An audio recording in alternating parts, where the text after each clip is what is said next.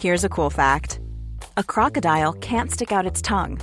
Another cool fact you can get short term health insurance for a month or just under a year in some states. United Healthcare short term insurance plans are designed for people who are between jobs, coming off their parents' plan, or turning a side hustle into a full time gig. Underwritten by Golden Rule Insurance Company, they offer flexible, budget friendly coverage with access to a nationwide network of doctors and hospitals. Get more cool facts about United Healthcare short term plans at uh1.com. I'm Sandra, and I'm just the professional your small business was looking for. But you didn't hire me because you didn't use LinkedIn jobs. LinkedIn has professionals you can't find anywhere else, including those who aren't actively looking for a new job but might be open to the perfect role, like me. In a given month, over 70% of LinkedIn users don't visit other leading job sites. So if you're not looking on LinkedIn, you'll miss out on great candidates like Sandra. Start hiring professionals like a professional. Post your free job on linkedin.com/people today. Skulle du vilja kunna ändra stämningen på jobbet så att det blir en plats att se fram emot att gå till? Förändra en stämning på en stel tillställning? Eller kanske bara vibbarna skapade av en vän på en fika? Efter dagens avsnitt kommer du med subtila och effektiva retorikverktyg kunna trolla fram en bra stämning. Och till er som viker er för tjatmaraton ska få både en ryggrad och retoriska rader för att stå upp för det du vill. Det här vill du inte missa. Jag, Elaine Eksvärd och producent Camilla Samek är så redo. Välkommen! Det här är Snacka snyggt. Vad spännande att få reda på hur man ändrar en stämning. Ja, Spontant tycker jag att det låter rätt svårt. Ja, men jag förstår det och jag, jag tänker att det är svårt för vem som helst. Och vi är rätt olika i vår retorik. Det har vi ju förstått nu efter ett gäng säsonger. Jag är kanske lite för rak ibland och behöver mjuka till det med det jag kallar för Camilla-retoriken. Och frågan är om en rak eller mjuk retorik kan vara nyckel till att förändra stämningen. Vad tror du spontant Camilla? Nej, men jag vet inte. Jag tror att det kanske beror på vilket tillfälle och vem det är som skapar den här dåliga stämningen. Är det på jobbet? Är det på en fest? Är det, är det någon som håller ett eh, alltså, jättedåligt tal som sen sätter tonen för ja, men ett bröllop? Eller alltså, var någonstans det är och eh, hur, hur det händer. Ja, verkligen. Eller om det är på en begravning. Oh. Det finns så många sammanhang så man blir alldeles mörkrädd och därför känns det så bra att sätta tänderna i det här för att få en sorts retorisk formel och meningar för att ja, göra som kungen gjorde så bra, vända blad. Men eh, kanske inte just med de orden. Ja, men det är ju väldigt bra att kunna göra, vända blad. Ja, jag tänker att det kan vara den sista livlinan i eh, försök att eh, förändra stämningen. Att man bara, nej, nu vänder vi blad. Så eh, vi håller i bladet i liksom, baktanken när vi går in på det här. Absolut. Men okej, vad ska vi hålla oss till då? För det finns ju så många olika tillfällen där det skulle kunna bli dålig stämning. Ja, men precis. Och då tänker jag att vi tar det ur tre olika sammanhang. Jobb, vänner och familj. Det är liksom treenigheten här i podden tycker jag. Så att det blir enkelt att hänga upp i. Så får du och jag Camilla slitas mellan den mjuka och raka retoriken för att förändra stämningen. Spännande. Vi gör så att vi börjar med den professionella kontexten. Och då behöver man ju tänka på att det är inte lätt som medarbetare att ändra stämningen bara sådär. För rent krasst är ju du är medberoende till arbetsgivaren. Och om inte chefen uppmanar dig att ge första intrycket av stämningen på jobbet när du precis har börjat där, så är det inte direkt så att man drar upp klacken på chefens bord och levererar en verbal manspread om vad man tycker borde vara bättre. Det vågar man ju inte riktigt, inte ens om man är rak som jag. I alla fall inte om man vill behålla jobbet. Nej men precis, men om man vänder på situationen och ser det ur chefens perspektiv så borde varenda chef vara intresserad av det första intrycket av stämningen på jobbet. Särskilt från den som precis har börjat. För jag menar, alla vi andra, vi är ju hemmablinda. Jag vet inte om du har tänkt på det Camilla, men man har ju kommit in i sammanhang och känt att åh, det sitter någonting i väggarna här, eller hur? Absolut. Ja, och det säger vi ju. Men det sitter inte i väggarna, det sitter i människorna. Så det man kan göra som ny, det är att se hur beter de sig, vad gör de, hälsar de på varandra och så vidare. Det finns massor av komponenter som spelar in till slutsatsen den här stämningen. Men jag tänker att vi ska eh, grotta ner oss lite i det.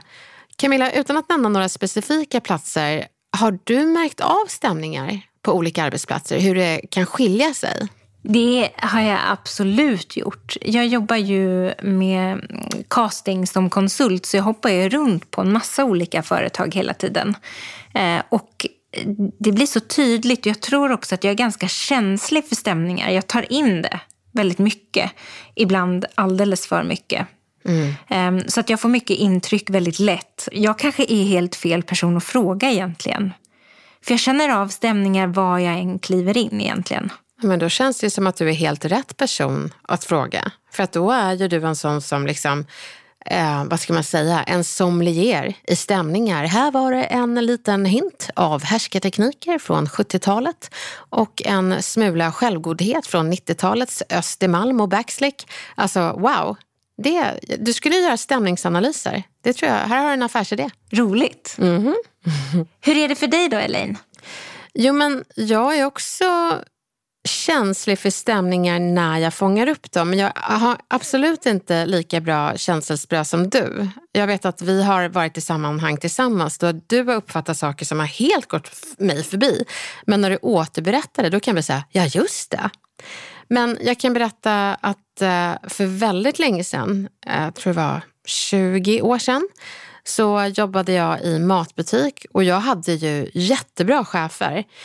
Jag tror nog till och med att alla var bra. Och en av dem skulle jag absolut inte säga var dålig, utan hans beteende gjorde oss medarbetare osäkra. För vissa dagar hälsade han på oss och andra inte.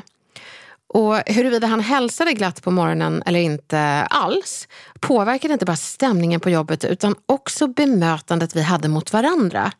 Jag tycker det är så intressant att eh, beteendet från chefen sipprar liksom ner på alla medarbetare. Det förgrenas ner där. Så vi var ju absolut inte de bästa versionerna av oss själva eftersom vi jobbade ju i en sån här kollektiv oro om chefen var sur på någon av oss.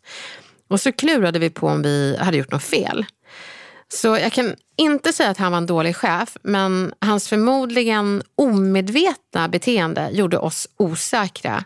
Och det sammantaget påverkade stämningen. Så den skiftade till sol eller molnigt beroende på om han hälsade eller inte.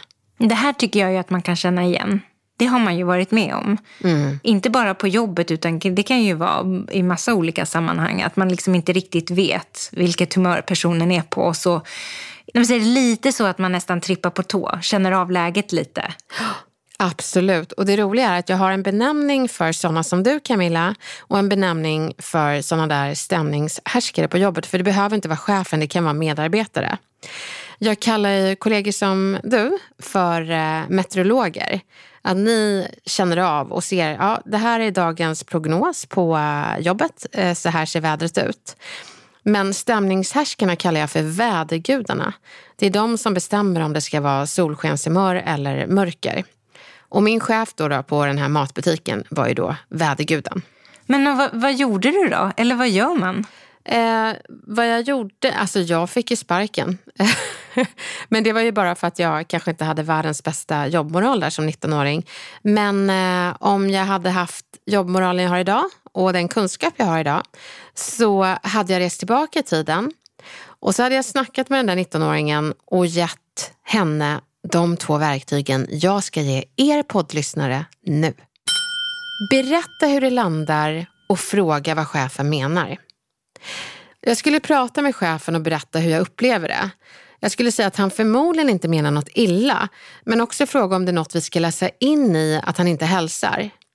Sen skulle jag erkänna att det gör mig och oss medarbetare lite osäkra. Så det skulle faktiskt kunna låta så här. Jag vet inte om du är medveten om det här, men när du kommer in på jobbet så hälsar du glatt ibland och ibland går du bara rakt förbi. Du kanske är fokuserad på något annat, men jag skulle vilja veta om dagarna då du inte hälsar betyder något. Eller om jag gjort något då. Sen vill jag också berätta att de dagar du faktiskt hälsar på oss påverkar det stämningen så himla bra. Vi blir trygga, glada och har faktiskt ett bättre samarbete sinsemellan. Det där tycker jag var jättebra, därför då avslutar du också med att berömma när det väl är positivt. Ja, Och det är det som är så viktigt att man börjar med någonting som är liksom medelstarkt, alltså inte så tungt och avslutar sista avtryck som vi brukar prata om med någonting positivt för det blir vid eftersmaken.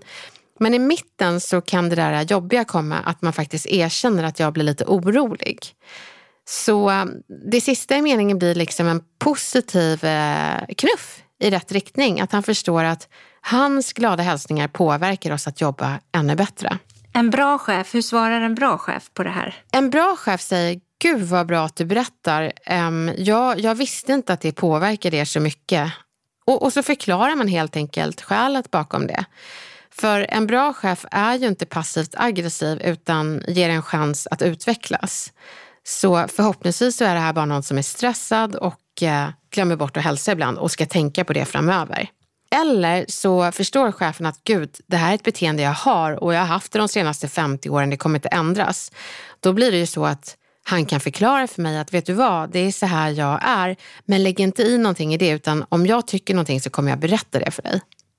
Så en bra chef skapar trygghet, tackar för feedback och förklarar. Men om vi går från matbutiken till vilken chef som helst så kan det vara att vi kanske har en chef som kanske har lite väl mycket koll på vad alla säger och gör. Det kan vara en chef som ställer kontrollfrågor om saker är gjort på ett sätt som gör dig mer stressad över att rapportera för chefen än att faktiskt göra jobbet. Det är jättejobbigt och skapar en otroligt dålig stämning av stress. Så det du ska göra, det är att du börjar med, jag vet inte om du är medveten om det, men, och då berättar du vad chefen gör. Sen berättar du hur det landar i dig och allra sist frågar du vad chefen menar. Så gör personen medveten, berätta vad personen gör, berätta hur det landar och sen frågar du vad personen menar. Och det behöver ju inte vara en chef, det kan ju vara en kollega som är den här väderguden. Så uh, istället för att grubbla, våga fråga.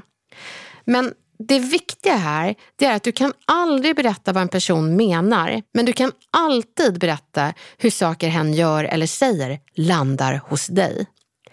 Där kan ni mötas i förståelse och förklaringar som kanske gör att chefen eller kollegan ändrar sitt beteende. Eller så förändrar du ditt synsätt på beteendet för du har fått förståelse för vad som ligger bakom. Nästa tips tror jag inte att jag hade varit mottaglig för som 19-åring såvida jag inte hade fått den här förklaringen. Kidnappa värdegrunden på arbetsplatsen.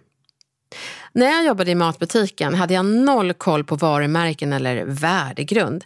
Men som jag önskar att jag hade haft det. Jag ville ju bara tjäna pengar och ut på kosläpp när dagen var slut. Men om jag hade känt till att varje arbetsplats och varumärke de har vissa värdeord som grundarna av bolaget vill att chefer och medarbetare ska leva upp till. Det är som liksom ledstjärnor i arbetsmoral och beteenden. Och de här värdeorden kan du kidnappa. Är till exempel ett av värdeorden snäll och ni har medarbetare som pratar illa om andra eller en chef som inte hälsar på alla, då kan det vara läge att fråga om värdegrunden på företaget, men också hur eh, man omsätter i praktiken.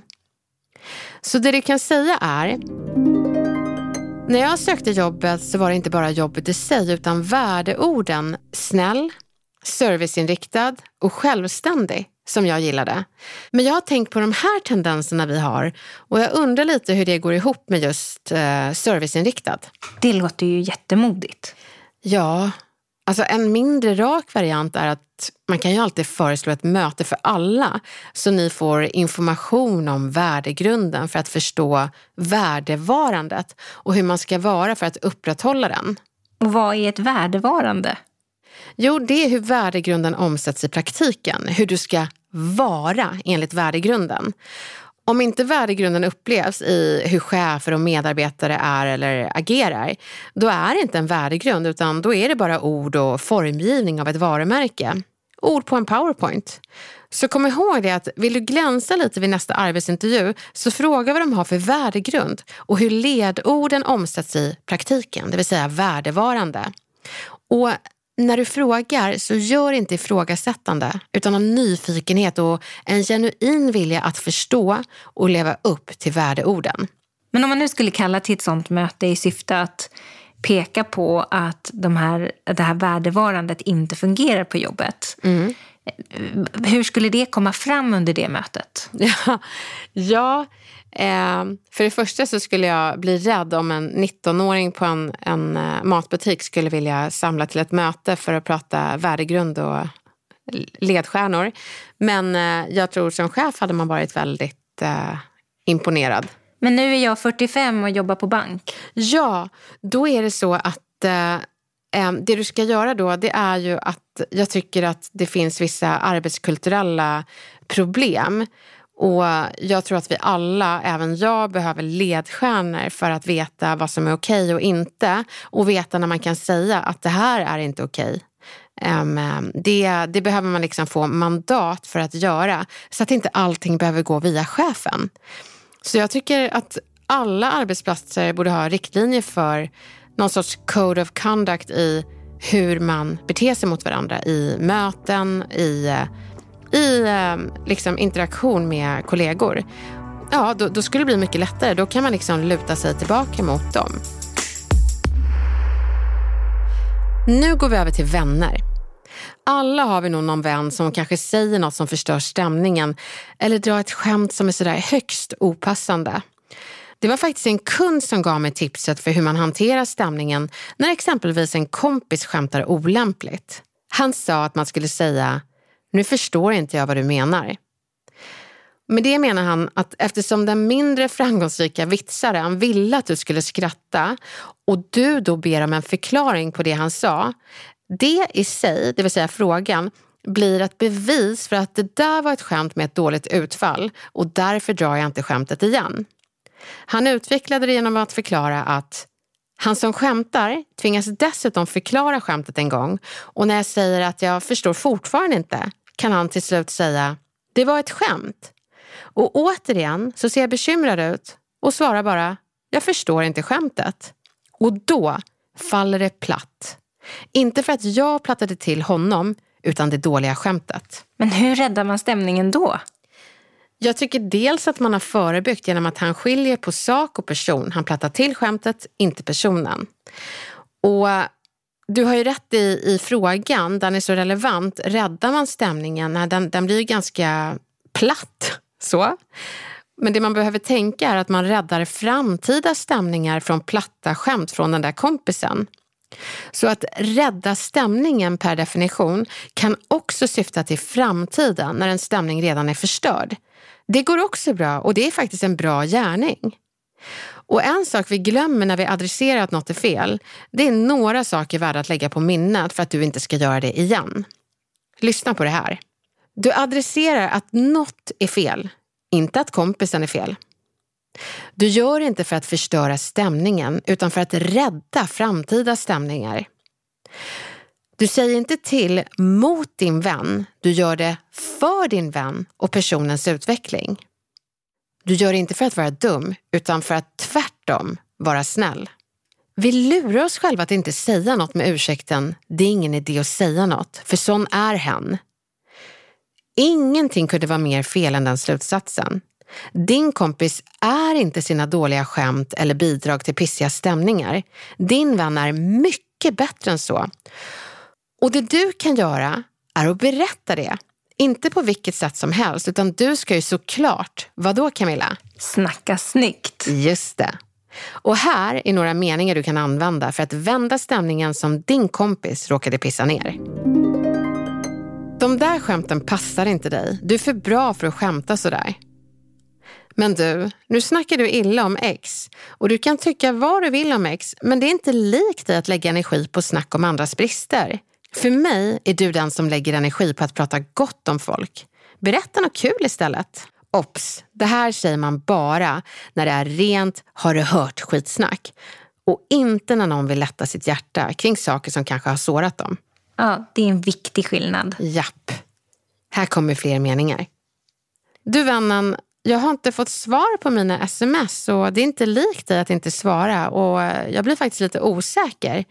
Vanligtvis brukar jag alltid känna mig trygg i vår relation så jag tänkte bara höra, är allt bra? Så det hela handlar om att skilja den pissiga stämningen från den din kompis är.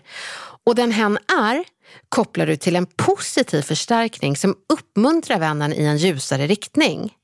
Så, sluta titta ner i bordet eller låtsas som ingenting eller skratta sådär nervöst när vännen säger något som du vet att omgivningen och även du upplever som kontaminerande av stämningen.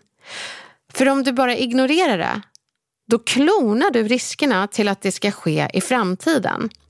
En dålig stämning muterar och springer fritt så länge den inte stöter på hinder. Var ett hinder för den där dåliga stämningen och var vatten till det där goda i din vän som bör uppmuntras att växa. Varför ska du göra det? Jo, för så gör en vän. Nu har vi kommit till bossen och det är ju att rädda stämningen i familjen. Och här måste jag säga, här är ju nästan svårast att förvandla stämningen till det bättre. För jag tänker, Jobbstämningen är ju också väldigt svår att ändra för där är ju du som anställd i beroendeställning till arbetsgivaren och platsen du gärna vill komma tillbaka till för att, ja, för att kunna betala hyran. Kommer det du säger från en välvillig och bra plats i dig så kommer kollegor och chef att känna det. Men när det kommer till familjen, nu blir jag nästan lite nervös, så är det en stämning som du faktiskt är infödd i. Det här med att, som vi pratade om innan Camilla, det sitter i, i väggarna. Men, men det är ju ingenting man reflekterar kring så mycket när det är de enda väggarna man har sett, eller hur Camilla? Nej, precis. Det är lätt att vara hemmablind och väldigt sällan ifrågasätter du varför du skruvar dig när din farbror drar rasistiska skämt. För det är ju faktiskt det enda du känner till. Din farbror är så. Det må vara hänt att man förstår att han alltid har varit så. Men han behöver ju för det första inte förbli så. Och för det andra behöver ni andra inte acceptera det ni förstår.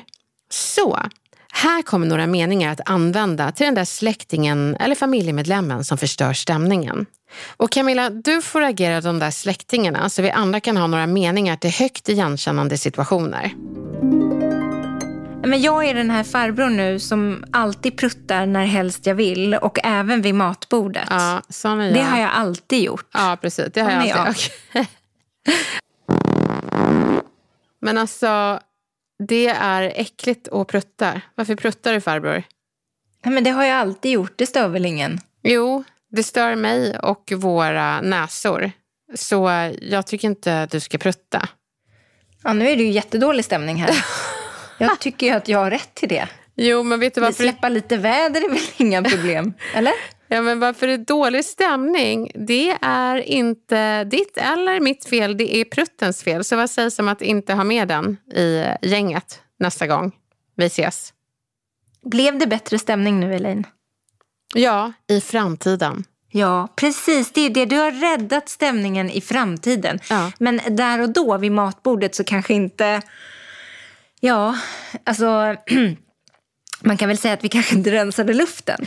Eh, ja, rensade luften medan han kontaminerade den med sin prutt. Men det är det man måste tänka, att rädda stämningen är liksom inte så här. Det är inte ett ögonblick utan det handlar om att rädda stämningen långsiktigt. För om du inte säger någonting där och du tänker åh nej jag säger ingenting, det blir så dålig stämning. Det var ju prutten som gjorde det pruttigt. Och för att det ska bli mindre pruttiga situationer i framtiden så behöver prutten få ett hinder att du säger till. Så kan du andas in frisk luft nästa gång ni ses. Ja, men det låter jättebra. Ja, rädda stämningen långsiktigt, inte kortsiktigt. Men ibland när man säger till så kan det ju finnas sådana som eh, ja, medberoende anhöriga som inte vill att man ska prata om sånt där utan de vill liksom lägga en duk över prutten och, och inte prata om den och, och säga men du, ta inte upp det här, det, det liksom, nu förstör du stämningen. Och då tänker jag att man kan säga någonting i stil med att nej, stämningen är inte förstörd. Jag bara berättar att eh, jag inte uppskattar pruttar, sexistiska skämt eller att man pratar sådär. Däremot så uppskattar jag farbror. Så att det de här ängsliga anhöriga gör, det är ju att de blandar ihop det du sänker, sak, med person. Och det skulle kontra med att hylla person och fortfarande sänka sak.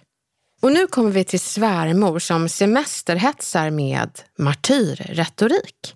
Det kan ju faktiskt förstöra semesterstämningen och skapa stress. Så Camilla, vill du vara svärmor eller ska jag? Jajamän, jag är gärna svärmor. Då kör vi. Kommer ni tre veckor och bor hos mig i sommar? Åh, vi har inte planerat det än. Ni kommer väl inte att lämna mig helt själv här? Oj, jag förstår att du inte menar något illa. Men jag måste faktiskt erkänna att jag blir lite stressad när, när du pratar om att vi ska komma för att inte lämna dig själv. När vi kommer till dig, vilket vi alltid gör, så gör vi det för att vi vill. Inte för att du inte ska vara ensam. Alltså självklart vill vi träffa dig. Men det är bara inte säkert att det blir tre veckor. Så för att du ska kunna skapa bra stämningar generellt, så tänk inte att du förstör stämningar, du räddar framtida stämningar. Oavsett om det är julafton, en vänträff eller kanske semesterstressen över svärmors martyrskap. Och sen är det viktigt att komma ihåg att det du säger får en själ när du hämtar orden från en mjuk plats. Och resultatet det blir att budskapet landar mjukt hos mottagaren. Så det du säger till om är ju inte för att sänka personen utan utveckla och hjälpa personen att hålla god stämning. Tänk så många skeva stämningar som växt till sig och blivit en hel kultur, toxisk arbetsplats, osunda familjerelationer för att folk inte vågat säga till utan mentalt ursäktat personer med att vara sämre än de egentligen är. Så de har låtit bli att ge feedback för att sån är hen. Så därför är det viktigt att komma ihåg att blanda inte ihop sak, det vill säga stämning, med person. Sänk stämningen och höj personen, så kommer den höjda stämningen att följa med till nästa gång ni ses tillsammans. Och med det kommer den här personen som fått feedback och dessutom växt ett otal mentala centimeter tack vare dina väl valda och mjukt hämtade ord. Nu vet jag att du kommer kunna hantera framtida stämningar. Det hela grundar sig egentligen i en mental övertygelse och sen bara hämta orden från en fin och välmenande plats. Det kommer gå bra. Lycka till!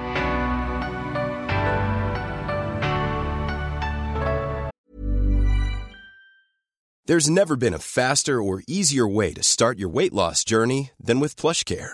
PlushCare accepts most insurance plans and gives you online access to board-certified physicians who can prescribe FDA-approved weight loss medications like Wigovi and Zepbound for those who qualify. Take charge of your health and speak with a board-certified physician about a weight loss plan that's right for you. Get started today at plushcare.com slash weight loss. That's plushcare.com slash weight loss. plushcare.com slash weight loss. There's never been a faster or easier way to start your weight loss journey than with PlushCare. PlushCare accepts most insurance plans and gives you online access to board-certified physicians who can prescribe FDA-approved weight loss medications like Wigovi and Zepbound for those who qualify. Take charge of your health and speak with a board-certified physician about a weight loss plan that's right for you. Get started today at plushcare.com slash weight loss. That's plushcare.com slash weight loss. plushcare.com slash weight loss. Elaine, vi har fått en kommunikationsknut inskickad till vårt Insta som jag tror att många kan känna igen sig i. Och jag tycker att det ska bli så spännande att höra om du har någon bra lösning på det här. Jag tänker att jag läser. Åh, ja, kör! Hej Snacka snyggt! Jag är en slav under andras tjat. Jag vet inte hur jag värjer mig. Så min kortsiktiga lösning är att gå med på deras vilja mot min för att slippa tjatet. Och visst, jag blir lättad en kort stund och jag slipper tjatet. Men så får jag också betala med att jobba över fast jag inte hinner eller gå på den där bion med syskonbarnen fast jag egentligen hade planerat något annat eller festa vidare fast jag egentligen inte vill. Allt för att slippa tjat. Jag skulle helst av allt vilja kunna hantera tjatet men jag tror att jag är rädd för att jag ska få en dålig relation med kollegor och kanske till och med förlora vänner om jag säger ifrån. Så hur gör jag och vad säger jag? Tusen tack för svar. Gud vad jag känner med den här personen. Inte för att jag um, kan relatera på samma sätt men, men jag blir så här, nej. Jag, jag blir rädd för att vara tjataren. För att Undrar hur många det är som utplånar sin egen vilja för att bara slippa tjat. Och jag är så glad att du hörde av dig till oss. Jag är övertygad om att alla har en tjatare i sin närhet. Eh, I familjen, vänskapskretsen eller till och med på jobbet. Och kanske är det så att tjataren fick sin vilja igenom med tjatretoriken under barndomen. Det är faktiskt så jag brukar tänka när jag står pall mot barnens tjat. Jag vill inte att hon ska tro att det fungerar ute i samhället. Tänk vilken liksom, åh, vidrig kollega de kan bli, kompis eller ens partner. Så man gör barnen en tjänst genom att stå pall mot tjat. Men bra argument, det får de föra fram och många gånger övertygar de mig oerhört bra att tänka på. Det ska jag ta med mig. Men jag kan ju också känna mig väldigt tjatig många gånger eh, utan att egentligen mena någonting. Eh, och det där är också ganska bra att tänka på när man tjatar. På sin man till exempel. Oh. Mycket tjat blir det. Ja, fast då tycker jag att det är mannens fel. Det, nu, där vänder vi blad Camilla. Här går vi inte in. Det som händer är att en tjatare tror att det är din vilja mot hens vilja och att någon av er ska vinna i det här kriget. Men det här är ett falskt dilemma som du enkelt kan ta bort. När till exempel hela kompisgänget vill festa vidare utom du som vill gå hem. Då tänker jag att eh, du Camilla, du ska få vara den som vill gå hem. Mm. Ja, men kom igen Camilla, följ med oss ut och festa. Vadå, ska du hem? Var inte så tråkig. Jag är inte tråkig, jag är trött och jag tycker verkligen att ni ska festa vidare eftersom ni är så himla sugna på det. Och så får jag åka hem, jag är så himla trött. Ja, ja. Var en tråkmåns då. Jag uppskattar verkligen inte att du kallar mig för tråkmåns när jag är trött. Alltså till nästa gång så får du gärna respektera min vilja precis som jag gör med din nu. Det här att du tjatar på mig, det är minst lika jobbigt som att jag skulle tjata på dig att du skulle gå hem och lägga dig istället. Ja, det blir en ändå bra vändning. Så om vi säger så här, om kungen vänder blad så kan du vända på situationen. Hur skulle du känna om jag tvingade dig till att göra det du inte vill nu? Alltså vems vilja vinner egentligen? Och för att förstärka det här så kan vi ta efterrätten som ibland kan bli lite laddad huruvida man ska äta den eller inte. Så jag tänker Camilla, jag är efterrättsälskaren och du är inte så sugen. Vadå, ska inte du äta efterrätt? Jag är så himla mätt. Men va? Var inte så tråkig då. Kan vi inte bara smaska i oss något gott här? Det finns ju massa goda saker. Nej, men det som är tråkigt är att göra något man inte vill. Du vill äta efterrätt och det vore ju jättetråkigt om jag eh, sa att du inte fick äta. Nå, ja, i och för sig. Men okej, okay, så jag ska äta efterrätt själv? Nej, men absolut inte. Du ska inte sitta och äta din dessert själv. Utan jag sitter ju här och sippar på mitt kaffe. Och där blir det så bra. Du vänder på situationen igen. Och det här med, ska jag sitta och äta här helt själv eller dricka helt själv? Det är att man gör sin vilja synonym med att om inte du äter efterrätt med mig, då är inte du här, då sitter jag här själv. Det är en jättekonstig formulering när man tänker på det. Men om man bara tänker att det är någonting man njuter av och att man gör det i ett gott sällskap så spelar det ingen roll om den andra också äter den där desserten eller dricker den där drinken utan det är ju sällskapet i sig. Ja, och inte vara rädd för att göra saker själv. Jag kan inte dansa själv, men om du tycker om att dansa, tycker om musiken, gå upp och gör det du tycker är kul istället för att tvinga någon som har två vänsterfötter att dansa med dig mot sin vilja. Men då kan vi till exempel ta det till att hennes eh, syster har bett henne gå på bio med barnen. Mm. Och hon har egentligen inte tid för hon hade egentligen en lunch inplanerad med en kompis. Mm. Och så kan hon inte säga nej för hon vet inte hur hon ska göra och hon pallar inte med mer tjat. Vad skulle hon ha sagt till sin syster? Då tycker man ska säga hur mycket man verkligen vill träffa sina syskonbarn men att man inte kan och det får bli någon annan gång. Och om systern säger men det är akut nu och då får man säga det, absolut jag förstår men jag kan inte nu. Jag vill men jag kan inte på något sätt så sänker man sitt eget dåliga samvete när man uttrycker vilja. Men om man bara säger jag kan inte, då kan det här dåliga samvetet krypa fram.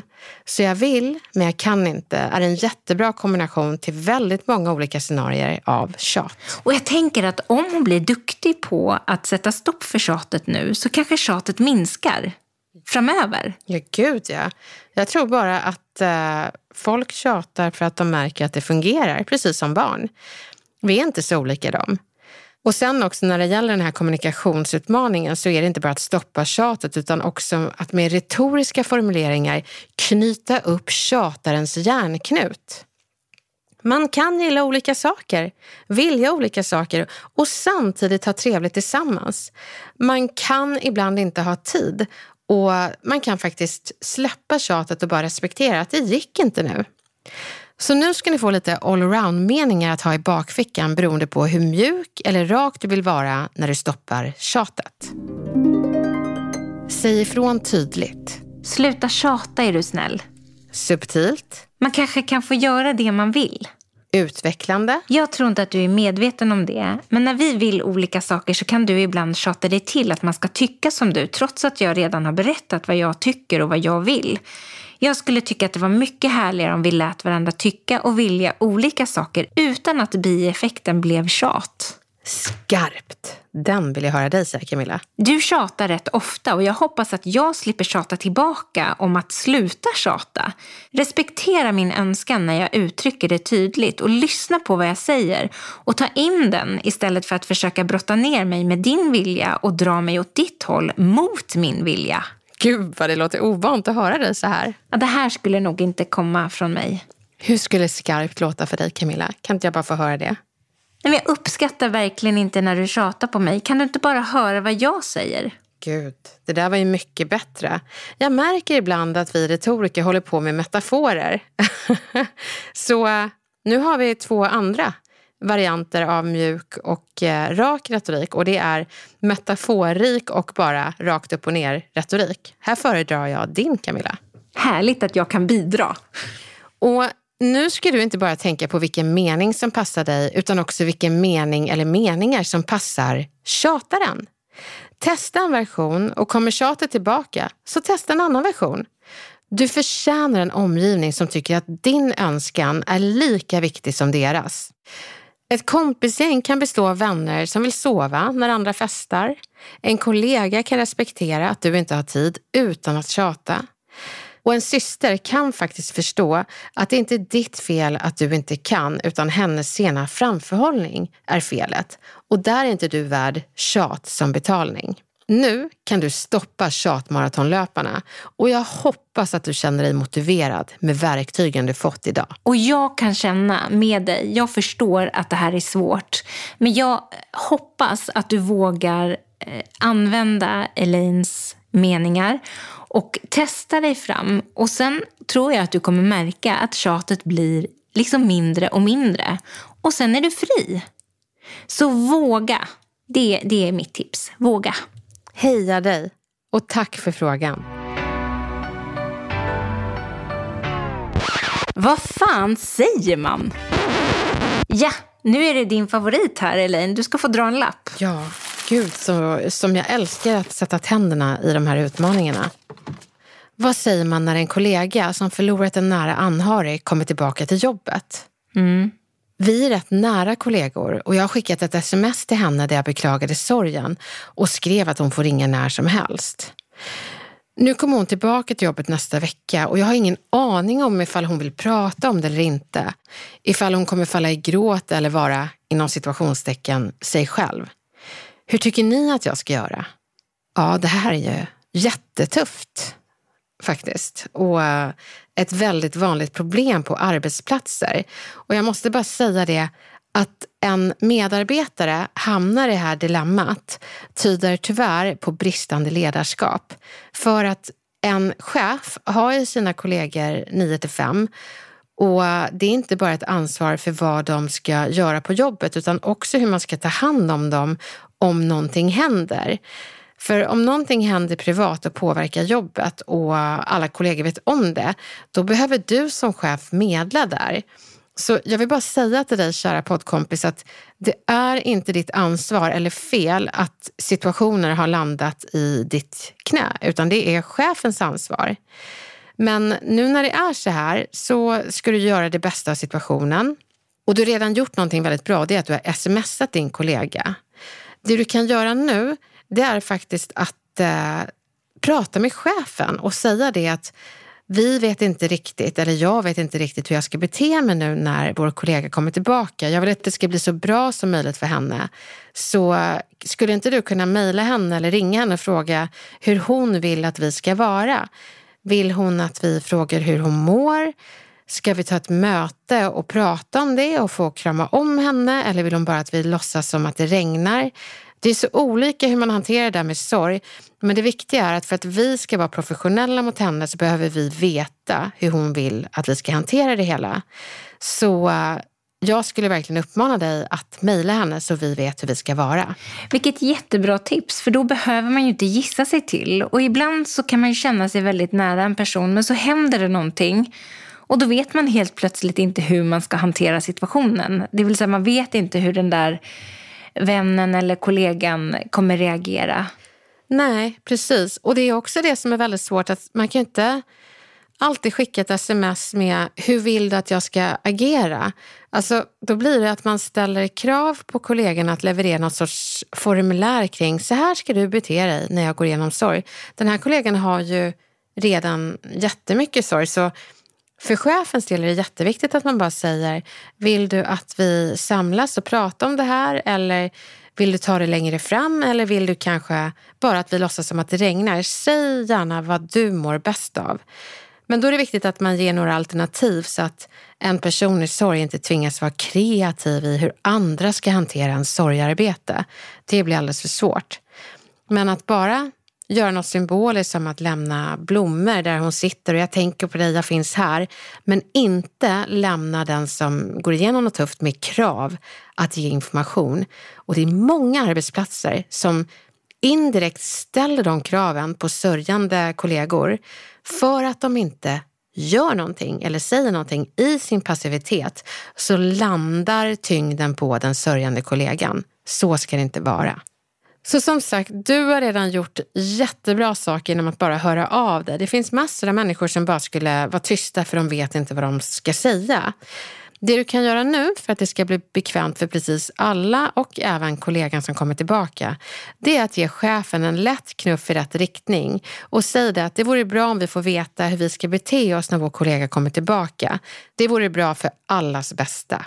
De som pratar bäst om sina arbetsplatser är inte de arbetsplatserna som ger bäst lön eller mest komplimanger, utan de arbetsplatserna som visar karaktär och medmänsklighet när livet stormar utanför jobbet. Så kan ni hantera det med medmänsklighet och rutiner så kommer ja, inte bara folk må bättre utan ryktet om er arbetsplats kommer också vara ännu bättre. Men jag vet ju att det är inte syftet utan syftet är att man ska må bra att jobba hos er. Så hantera det här bra, för allas skull. Tack kära poddkompis för din viktiga fråga. Nu håller vi verkligen tummarna för att allt ska bli bra när din kollega kommer tillbaka. Varmt lycka till! Nu hoppas vi att du har verktyg för att ge chefen den där vänliga knuffen för att kollegor i kris ska få mjuklanda på jobbet. Du har också fått lära dig att ändra stämningar. Och framtida stämningar. Jajamän. Och få stopp på tjat. Herregud, det är ju inte illa va? Och vi på Snacka snyggt älskar ju att vara din retorikexpert i bakfickan. Och vi är så glada att ni är med oss.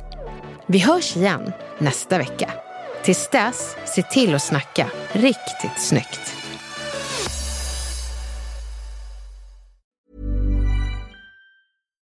Hi, I'm Daniel, founder of Pretty Litter. Cats and cat owners deserve better than any old-fashioned litter. That's why I teamed up with scientists and veterinarians to create Pretty Litter. Its innovative crystal formula has superior odor control and weighs up to 80% less than clay litter. Pretty Litter even monitors health by changing colors to help detect early signs of potential illness. It's the world's smartest kitty litter. Go to prettylitter.com and use code ACAST for 20% off your first order and a free cat toy. Terms and conditions apply. See site for details. Hey, it's Paige DeSorbo from Giggly Squad. High quality fashion without the price tag? Say hello to Quince. I'm snagging high end essentials like cozy cashmere sweaters, sleek leather jackets, fine jewelry, and so much more. With Quince being 50 to 80% less than similar brands. And they partner with factories that prioritize safe, ethical, and responsible manufacturing. I love that. Luxury quality within reach. Go to quince.com slash style to get free shipping and 365 day returns on your next order. Quince.com slash style.